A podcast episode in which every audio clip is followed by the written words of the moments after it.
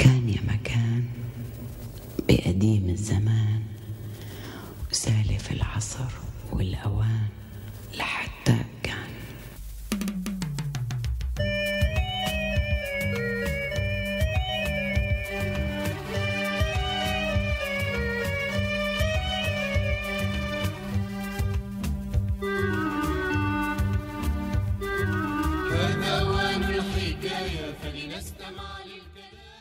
ندى هي مانا بنت. من حوالي العشرين سنة لما كنت بالمدرسة الابتدائية بسوريا كانت مدرستي بعيدة شوي عن البيت. كان تحت بيتنا مزروع ورد لونه أحمر. كان غريب هالورد لأنه كان كفيل بمنع الحشرات تقرب على البناية كلها. بعدين اكتشفت أنه هالورد الأحمر اللي كان أساسا منتشر بكل سوريا هو نبات سام اسمه الدفلي أو بالإنجليزي oleander. وال oleander فيه مركب سكري سام ممكن يوقف عمل عضلة القلب.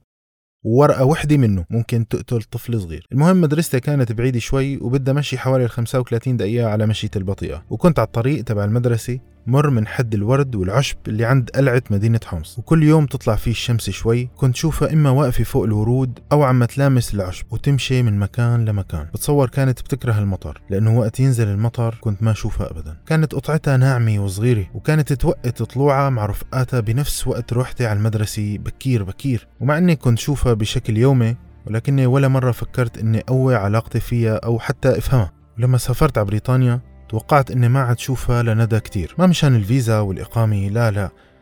ما عاد شوفها لأنها ما بتحب المطر بس هذا السبب.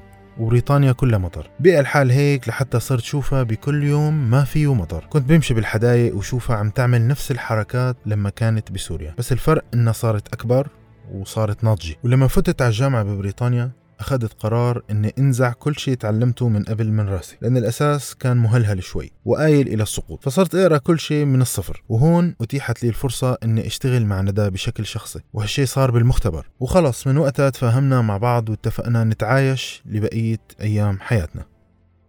وهيك بنكون خلصنا المقدمة الطويلة جدا وشكرا لوصولك إلى هنا عزيزي المستمع. ندى هي منا بنت؟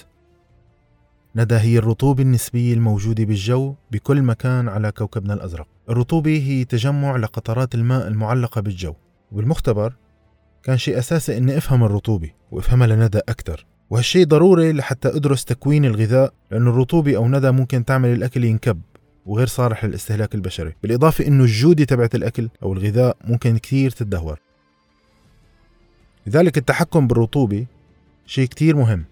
وبيحدد ايمة الأكل رح يخرب ويصير غير صالح للاستهلاك البشري. امبارح جبت بيتي فور عربي جاي من بلد عربي ولما فتحت العبوة هفت ريحة ندى يعني رطوبة وطلع البيتي فور معطن وعلى الكب. ولكني حبيت حط البيتي فور بعد ما فتحته لشوف شو اللي ممكن يصير أكثر مما صار. هل رح تروح ندى؟ ولا تنادي لأخواتها ويجوا على البيتي فورات ويعملوا حفلة مثلا. اليوم بكير دقت حبة بيتي فور وكانت الرطوبة والعطانة ارتفعت بشكل كتير كبير. وحابب هيك أشرح لكم شو السبب ليش هيك صار؟ وليش يا ترى لما بنترك الخبز أو الجاتو وبنخليه مفتوح بالليل بتترك ندى الخبز وبتهاجر وبصير الخبز قاسي؟ مثل ما شايفين هون ندى أو الرطوبة تصرفت تصرفين غريبين معي.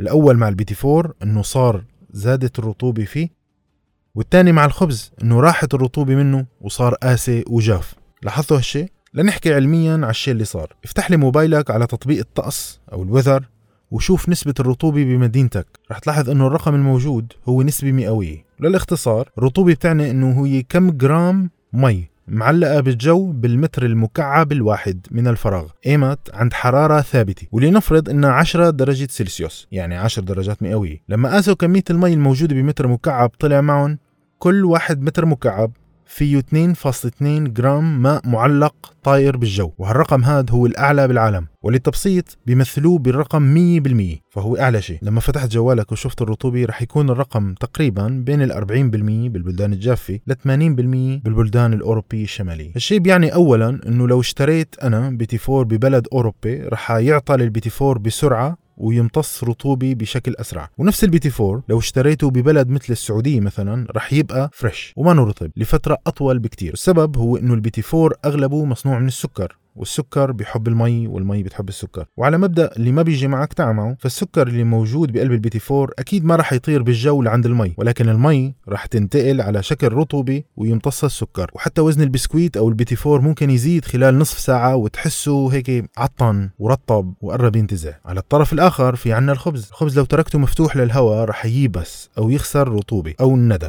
وهالشيء لأنه الخبز ما فيه سكر كتير ولا ملح كتير. وعملية خبزه بتخلي تركيبته النشوية ما تنمزج مع المي بشكل سريع إلا لو كان في عنا حرارة مرتفعة. تخيل معي إنك أنت عم تعمل سحلب. رح تخلط النشاء مع الماء البارد وبعدها بترفع درجة الحرارة مشان يبلش النشاء يغير شكله ويمتص ماء. يعني الخلاصة بدك حرارة وشغلات تاني لتغير تركيبة الكريستالات اللي تكونت من النشاء. بالنهاية أكلت البيتي فور لحالي من مبدأ حفظ النعمة ولأني ما بحكه بشيء. وهيك بتكون خلصت حلقة اليوم. كان معكم عبد المنان فاضل من بودكاست تغذية بالعربي. والسلام عليكم.